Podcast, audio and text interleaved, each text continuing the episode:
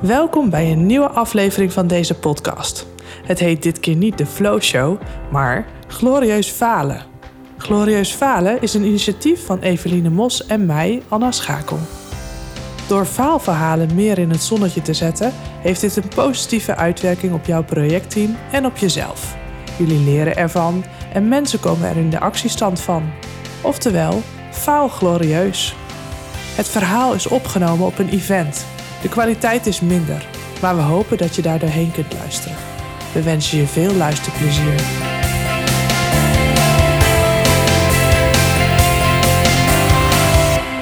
Hallo, ik ben dus eh, Ron. Ik eh, werk als, eh, nu als programmamanager, projectmanager bij Tele2 en sinds kort ook T-Mobile. Mocht iemand dat hebben gemist. Tele2 is overgenomen. En ook noemen ze dat geen overname bij T-Mobile, maar een fusie. Maar ik voel, voelt voor mij in ieder geval als een overname. Ik ga terug naar 2008. Toen ben ik begonnen bij Bibinet. Ik, heb, ik had elf jaar gewerkt bij KPN. Ik ben overgestapt naar Bibinet Bibiont. Ik was benieuwd of mijn projectmanagement skills ook daar zouden werken.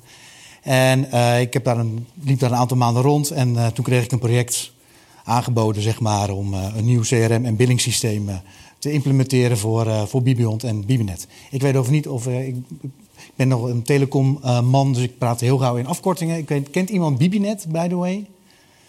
Eén iemand? Misschien dan toch nog even goed om te vertellen wat Bibinet dan precies was. ik denk eind jaren 90 of zo, toen kwam de ADSL op. En KPN had het alleen recht zeg maar, om uh, internetverbindingen te leveren. En Bibinet was uh, toen de tijd opgestart en was eigenlijk de, de tweede partij na KPN met een eigen glasvezel of een eigen kopernetwerk. En in staat om ADSL-verbindingen zeg maar, aan consumenten te leveren. Bibinet bestond eigenlijk uit een aantal takken. Je had Bibinet zelf, dat was een wholesale partij, die verkocht zeg maar, lijntjes aan andere uh, internet service providers. Je had uh, Bibiont, dat was uh, de zakelijke tak van, uh, van Bibinet. En Bibiont leverde ADSL-verbindingen, IPVPN-verbindingen. Daar ga ik weer hè, met alle afkortingen. Ik, dat zit er zo ingebakken. Maar allerlei telefonie- en internetdiensten zeg maar, voor, voor, de, voor de zakelijke markt. En er was ook een, een consumentenbrand, Alice. Misschien hebben jullie daar wel eens van gehoord. Was toen nog tijd nog wel veel op de televisie, zeg maar, met een uitdagende reclame. Uh, maar goed, daar, eh, daar eh, in die, dat landschap startte ik dus als projectmanager en ik moest een nieuw CRM- en billingssysteem implementeren voor Bibiont en voor Internelnet. noem ik weer een naam. Internel, dat was een service provider, internet service provider uit Nijmegen. En die had Bibinet toen de tijd overgenomen, omdat ze stappen wilden zetten in de consumentenmarkt. En daar hadden zij ervaring mee en Bibinet niet. Dus toen hebben ze die partij overgenomen. En uh, zodoende was dat ingelijfd binnen Bibinet. En ik moest dus een CRM- en billingapplicatie laten bouwen, zeg maar, voor Bibiont en Internelnet. Dat was de situatie waar ik in, uh, in terecht kwam. Op zich een mooie uitdaging. En uh, nou, ik, ik, ik, ik, was een watervalprojectmanager. En ik ben inmiddels, geloof ik, helemaal heilig zeg maar, in een agile manier van werken. Maar toen de tijd was ik nog niet zo ver. Dus ik startte netjes met mijn project. We gingen netjes eerst een impactanalyse doen om te kijken wat we er allemaal voor moesten doen. En uh, vervolgens een mooi projectdocument schrijven over, uh, over wat we allemaal in het project zouden gaan doen. Een mooi uh, project initiation document. En uiteindelijk was het af en we hadden besloten, we laten het intern bouwen, dit hele systeem, door mensen bij Internelnet. Daar zaten een aantal slimme koppen, zeg maar, goede programmeurs. Die konden dat systeem wel voor ons gaan bouwen. Nou, uiteindelijk zeg maar, hadden we de projectvoorbereiding afgerond. Ergens in juni 2009 zijn we toen gestart met het, met het project. We zijn uh, gelijk begonnen met de bouw. En parallel daaraan gingen we ook nog op zoek naar uh, de gedetailleerde requirements in de organisatie. En uiteindelijk zijn we tot oktober bezig geweest om alle requirements te verzamelen in de hele organisatie.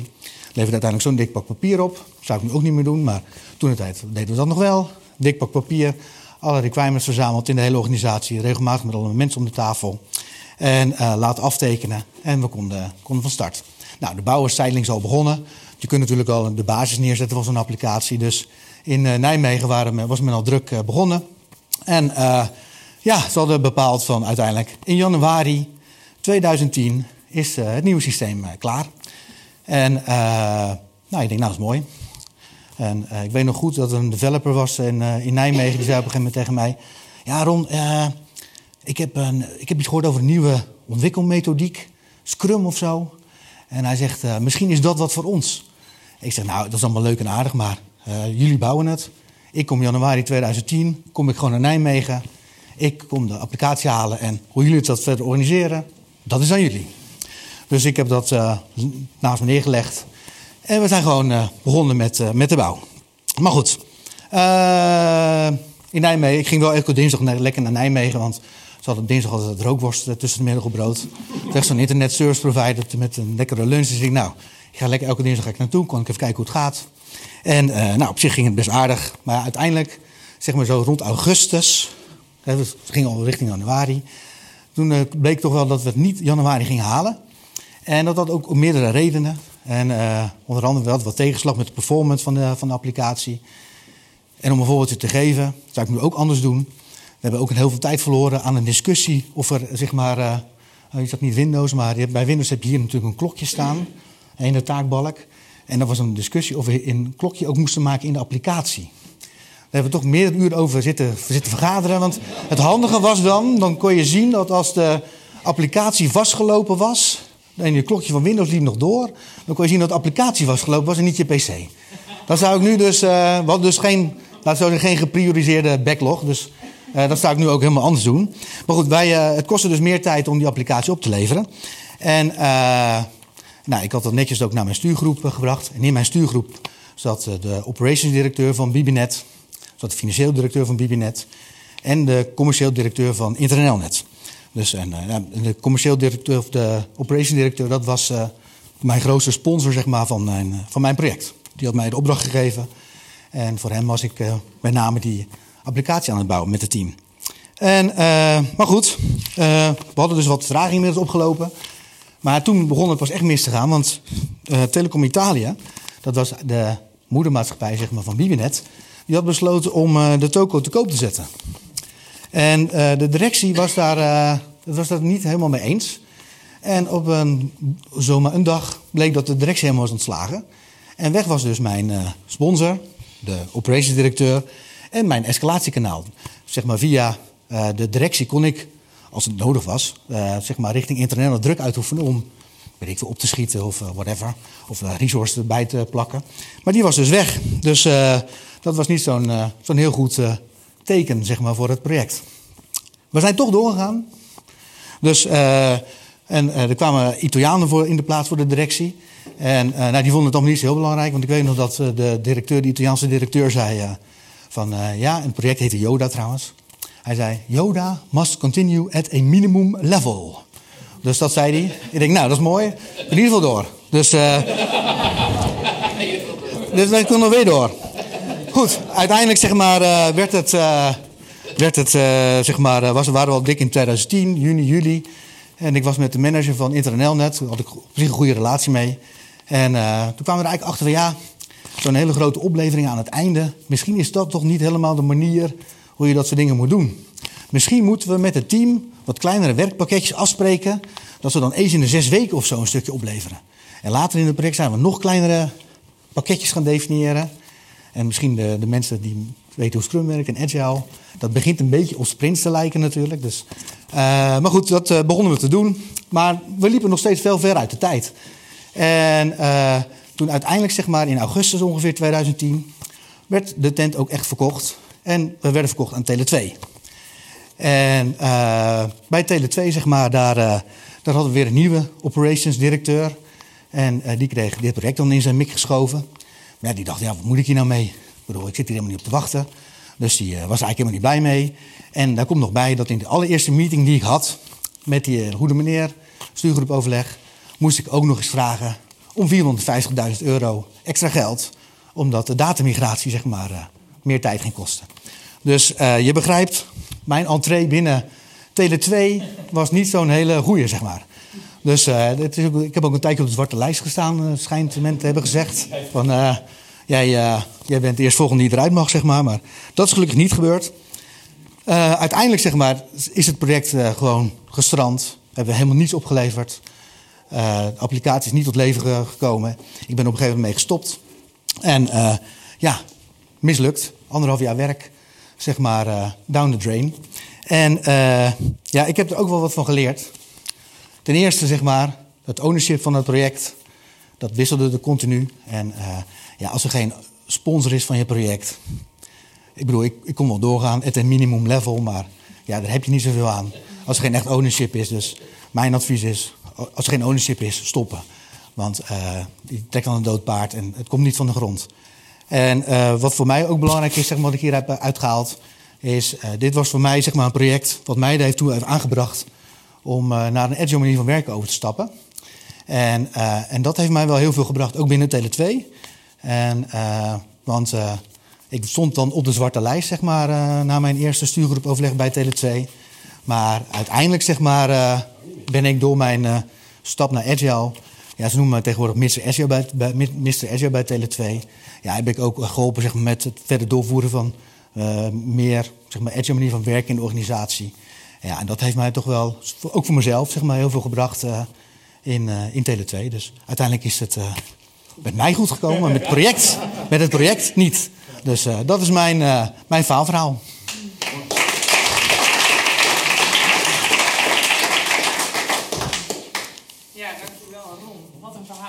Ja. twee wisselingen van ja. de wacht Ja, ja. dat helpt niet. Nee.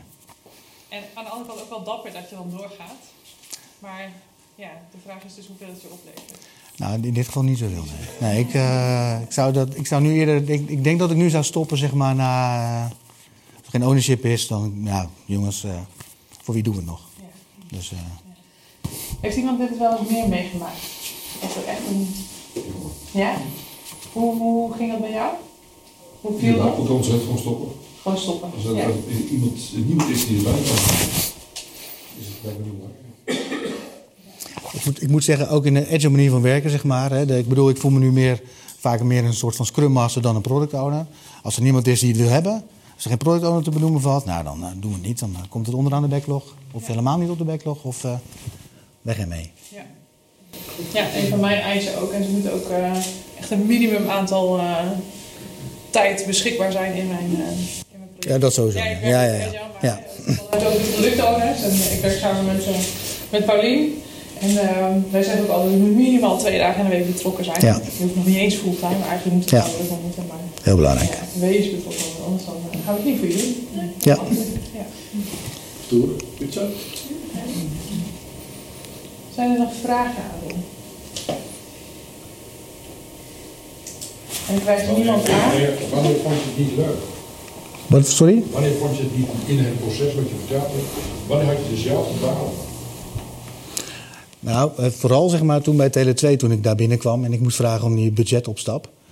Uh, dat vond ik. Uh, en ook dat ik daarmee zeg maar een soort van op de zwarte lijst kwam. Een soort, ja, ik bedoel, uh, dat voelde helemaal niet goed. Toen heb ik ook wel. Waarom ben je toch van die zwarte lijst af? Nou, op een gegeven moment kwam er een kans zeg maar om.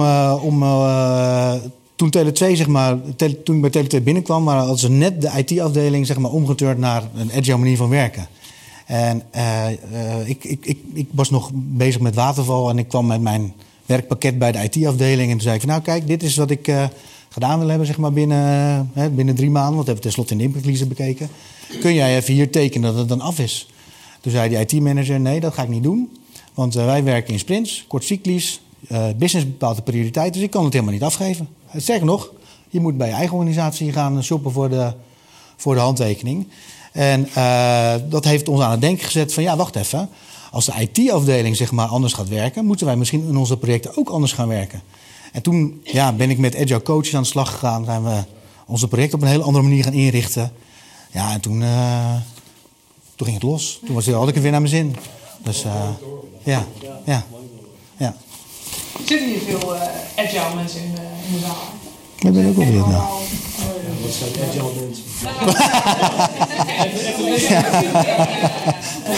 Heeft te maken met agile gelijk Ik ben wel gewoon een projectleider.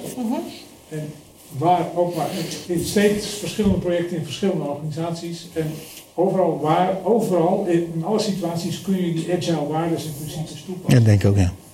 Uh, kun je volgens Scrum werken? Vaak niet. Uh, hoeft ook niet, maar je kunt wel die principes toepassen. Ja. En dat, dat, in mijn geval, sorry, dat kost een heel klein beetje tijd. Wat ik zo ontzettend leuk vond toen ik begon te lezen over Agile, ik, ik was ook gewoon zo'n Prince 2 jeugd Ja, ja. SD en... Gantt charts, Microsoft Planning. En toen ik daarover ging lezen, dacht ik van, lek, dat past zich toe in mijn projecten. Wat gaaf dat ze dat zo hebben opgeschreven.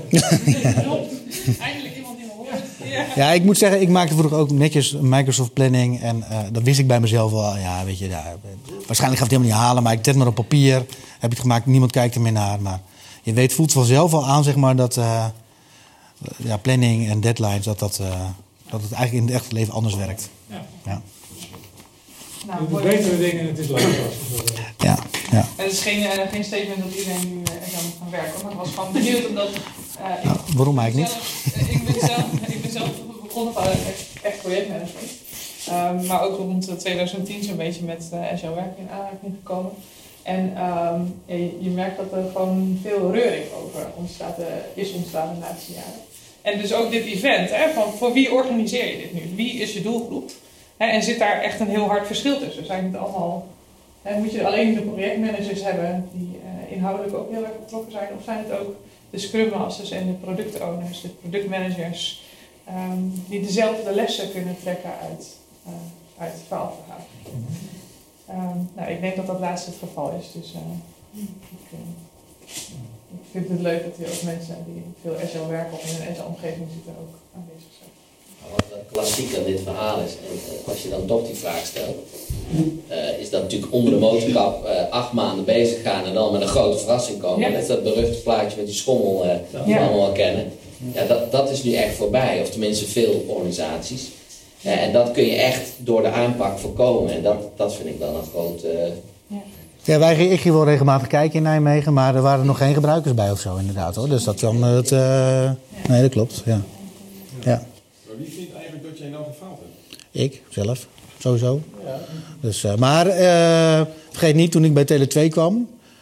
eh, ik, zei niet, ik stond echt wel, het was echt, zat echt wel een beetje in een dom hoekje bij Tele 2. Omdat ook dat dit mislukt was. Ik kon, moest een budgetopstap vragen van 4,5 ton. In mijn eerste stuurgroepmeeting. Misschien was het ook niet heel slim om te doen trouwens. Maar, maar eh, dus dat was een faalmomentje op zich. Maar eh, ik had niet het gevoel dat ik eh, op dat moment, ja, misschien ook weer mezelf, maar dat ik werd gewaardeerd bij Tele 2 op dat is ook moment. een antwoord, hè? Ze zelf zegt, joh, Ja. Maar, maar goed, je zegt, het project is mislukt. Dus er is kennelijk iemand geweest die heeft gezegd, dit is mislukt. Die vindt het mislukt. Ja, het is nooit gebruikt. Dus eh, het is gestopt. Het is nooit in productie genomen. Dus dan is het per definitie toch mislukt. We hebben anderhalf jaar gewerkt en we hebben het niet gebruikt. Kan toch een prima operatie zijn geweest, alleen patiënt overleen. Eh, als je het hebt over, eh, ja, maar we hebben... Dat. Nou ja, we, ja tuurlijk, we, waar we het over over hebben is over leren, zeg maar. Tuurlijk, ik heb er ook veel van geleerd. Dat wel, maar ja, is het pro- project een succes? Nee, we hebben de doelstelling niet gehaald. Of eh, ja, hoe zeg je dat? Ik bedoel, het is niet in gebruik genomen. Je weet Dus- dat ze bij toch 70% van wat ze bouwen niet gebruiken. Ja. Ja, nou ja, dat hoort er ook bij, ja, inderdaad. Dat ben ik met je eens. Ja, dat klopt. Dus... eh, ja. Ja, in dit geval hebben we 100% niet gebruikt, dus eh, voor dit specifieke geval. Dus. Ik neem die wisseling van de wacht eh, erg mee. Dank u wel. Oké. Geef me Ja?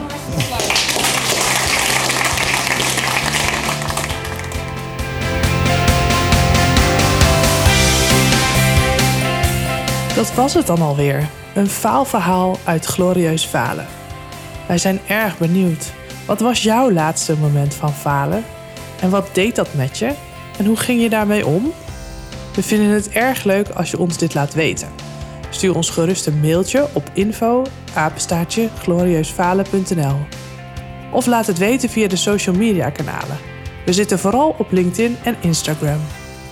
Mocht je nu ook weten hoe jij nog beter glorieus kan falen, kijk dan op www.glorieusfalen.nl en neem deel aan een van onze activiteiten. We willen je hartelijk danken voor het luisteren en tot de volgende keer. Ciao!